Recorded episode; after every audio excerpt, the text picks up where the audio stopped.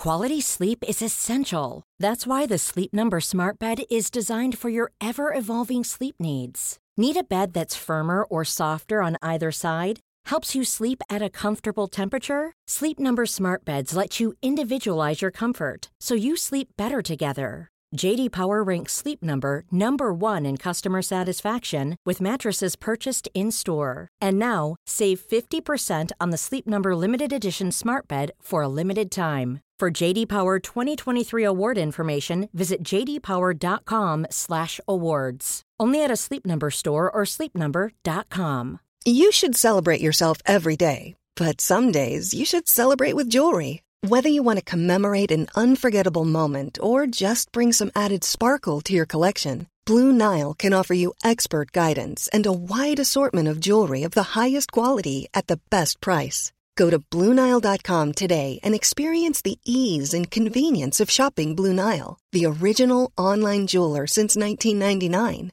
That's BlueNile.com. BlueNile.com.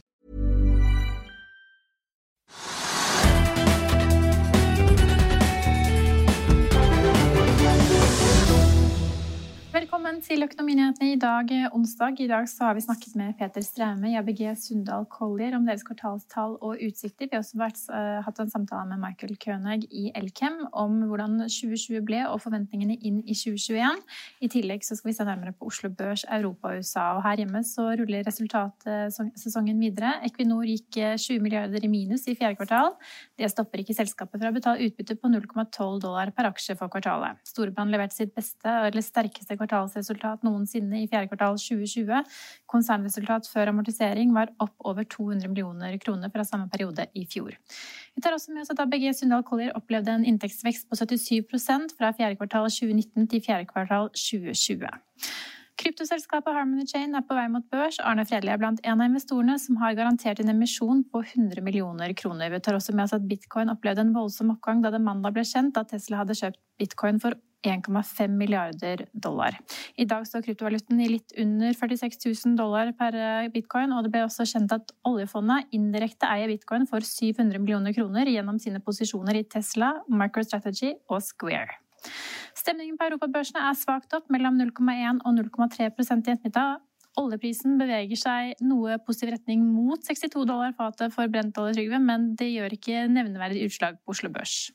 Nei, ikke som jeg kan se i hvert fall. Men eh, den er jo på, den er ligget litt over 61 dollar på fat. altså Det er liksom litt positivt. Men det er på oljeaksjene, i den grad vi snakker om oljeaksjer og i den grad vi snakker om offshoreselskaper, så har det ikke hatt noen påvirkning i det hele tatt.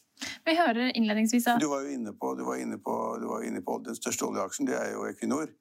Og den er jo ned et par prosent i dag. og Det er ikke derfor at oljeprisen stiger, men det er fordi at det har kommet med tall, som du var inne på. og det, De tallene var veldig dårlige, selvfølgelig. De var kvartalstall på minus 20 milliarder kroner i tap.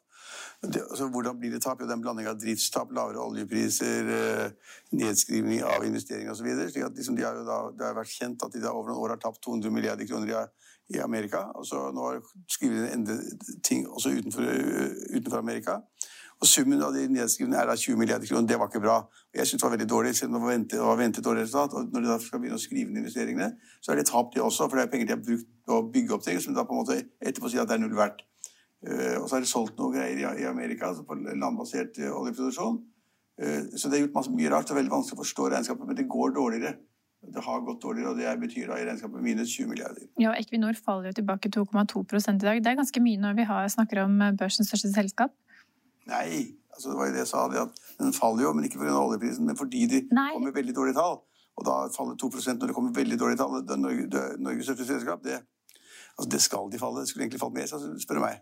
Ja. Da får vi si at det, det, var det. Men DNB får også en tilbakegang i dag etter å ha lagt frem kvartalstall, også ned 1,5% akkurat nå. Ja, altså DNB kommer jo også med tall, og, og eh, de tjener penger masse hele tiden. Men de tjente litt over 5 milliarder kroner. Eh, så er det litt vanskelig å tjene penger i bank når rentene var veldig lavt. Så er det litt vanskelig å få et rentemarginer og rentedifferanse. slik at de de, de, de, har fått en, de har fått juling, de også, på samme måte som Equinor. Så har de fått et fall på rundt 2% Men altså, ja, selv om resultatet er dårligere, så syns jeg på en måte det er et bra resultat. Så jeg ville ikke vært veldig lei meg for det tallet i det hele tatt, for de skal også ut bra utbytte. Men banken sier at de setter av 1,25 milliarder til fremtidige tap. Det er langt høyere enn hva analytikerne hadde ventet på forhånd? Ja, men det tror jeg fordi at forrige gang var det mye mindre tap enn de analytikerne hadde regnet med. Så nå regner de kanskje med noe større tap. Man vet jo ikke hva tapene er. Hva blir det i shipping? Hva blir det i offshoresektoren? Hva blir de andre sektorer? slik at de har satt av sikkert det de skal, og så er resultatet fremdeles ganske bra. Og så syns markedet det, kunne vært bedre. Og det har vært bedre. har vært, de har tjent både 6 og 7 milliarder kroner i kvartalsvis tidligere.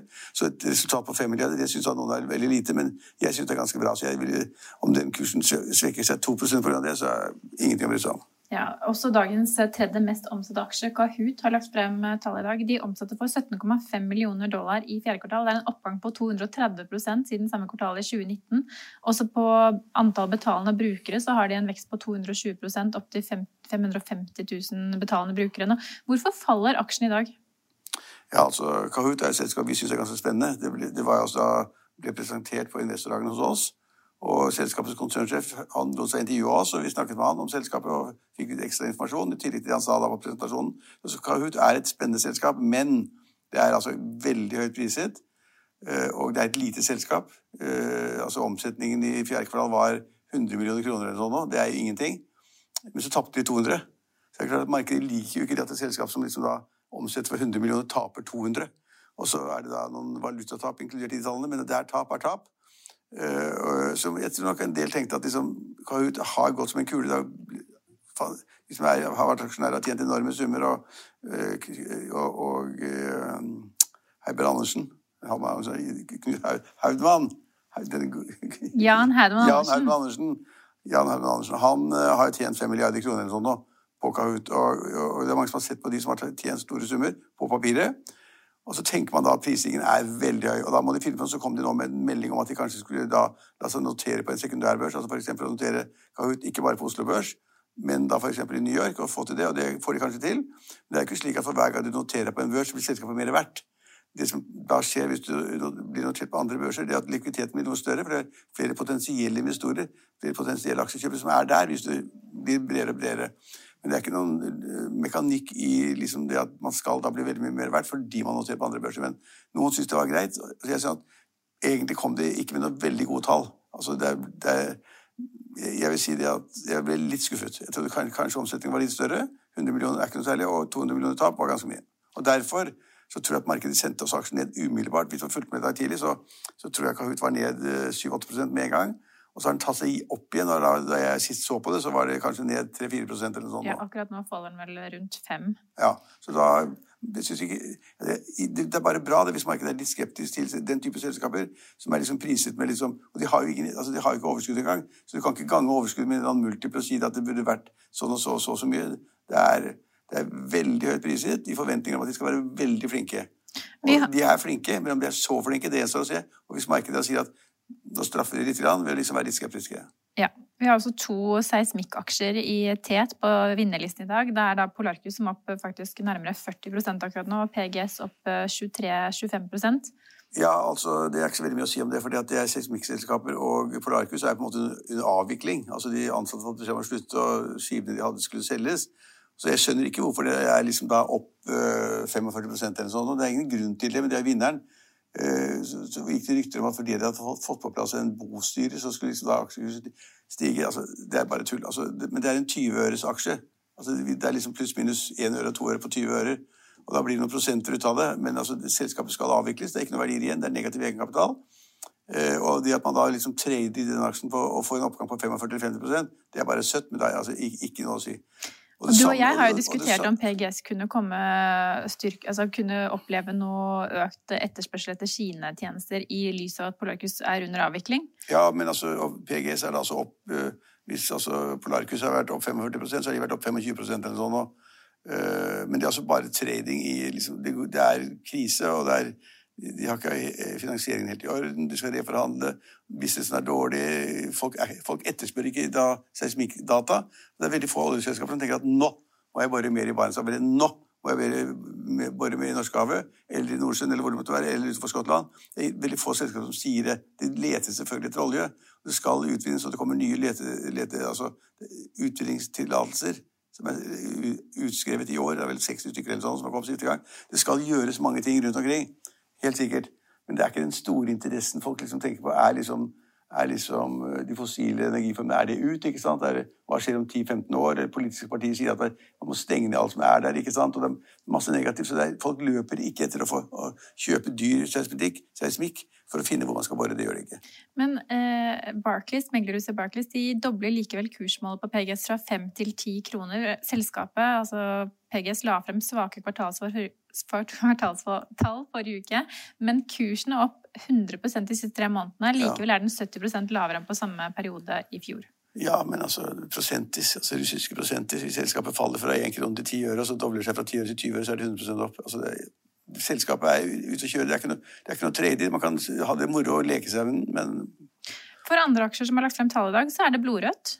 Vi har Valenius Wilhelmsen, som faller ja. 11% akkurat nå. De la jo fram tall etter børs i går kveld. Hva kan vi si om resultattallene? Jeg har ikke sett nærmere på det. Så bare at de var taperne øverst på taperlisten med nedgang på 11 da. Ja, Omsetningen ble i hvert fall nesten 50 millioner dollar lavere enn hva meglere som f.eks. DNB Markets hadde ventet på forhånd. Så aksjen straffes nå. Det Avilco Drilling faller 6% De la også frem et blodrødt resultat eh, på bunnlinjen der.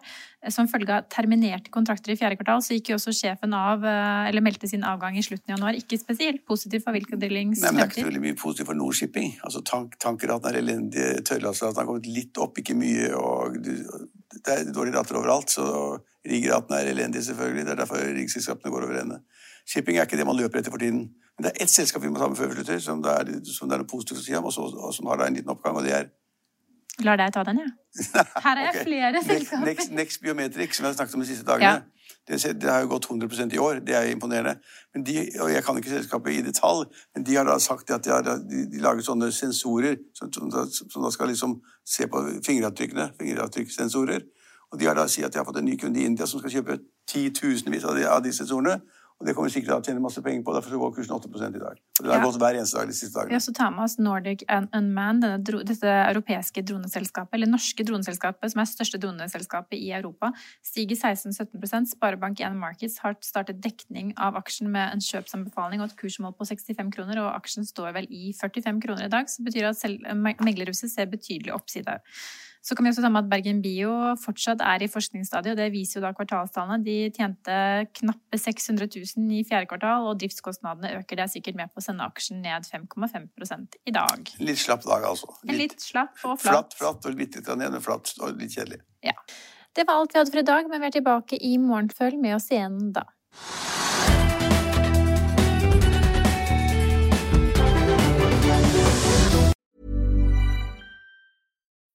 When you need mealtime inspiration, it's worth shopping Kroger, where you'll find over 30,000 mouthwatering choices that excite your inner foodie. And no matter what tasty choice you make, you'll enjoy our everyday low prices, plus extra ways to save, like digital coupons worth over $600 each week. You can also save up to $1 off per gallon at the pump with fuel points. More savings and more inspiring flavors make shopping Kroger worth it every time. Kroger, fresh for everyone. Fuel restrictions apply.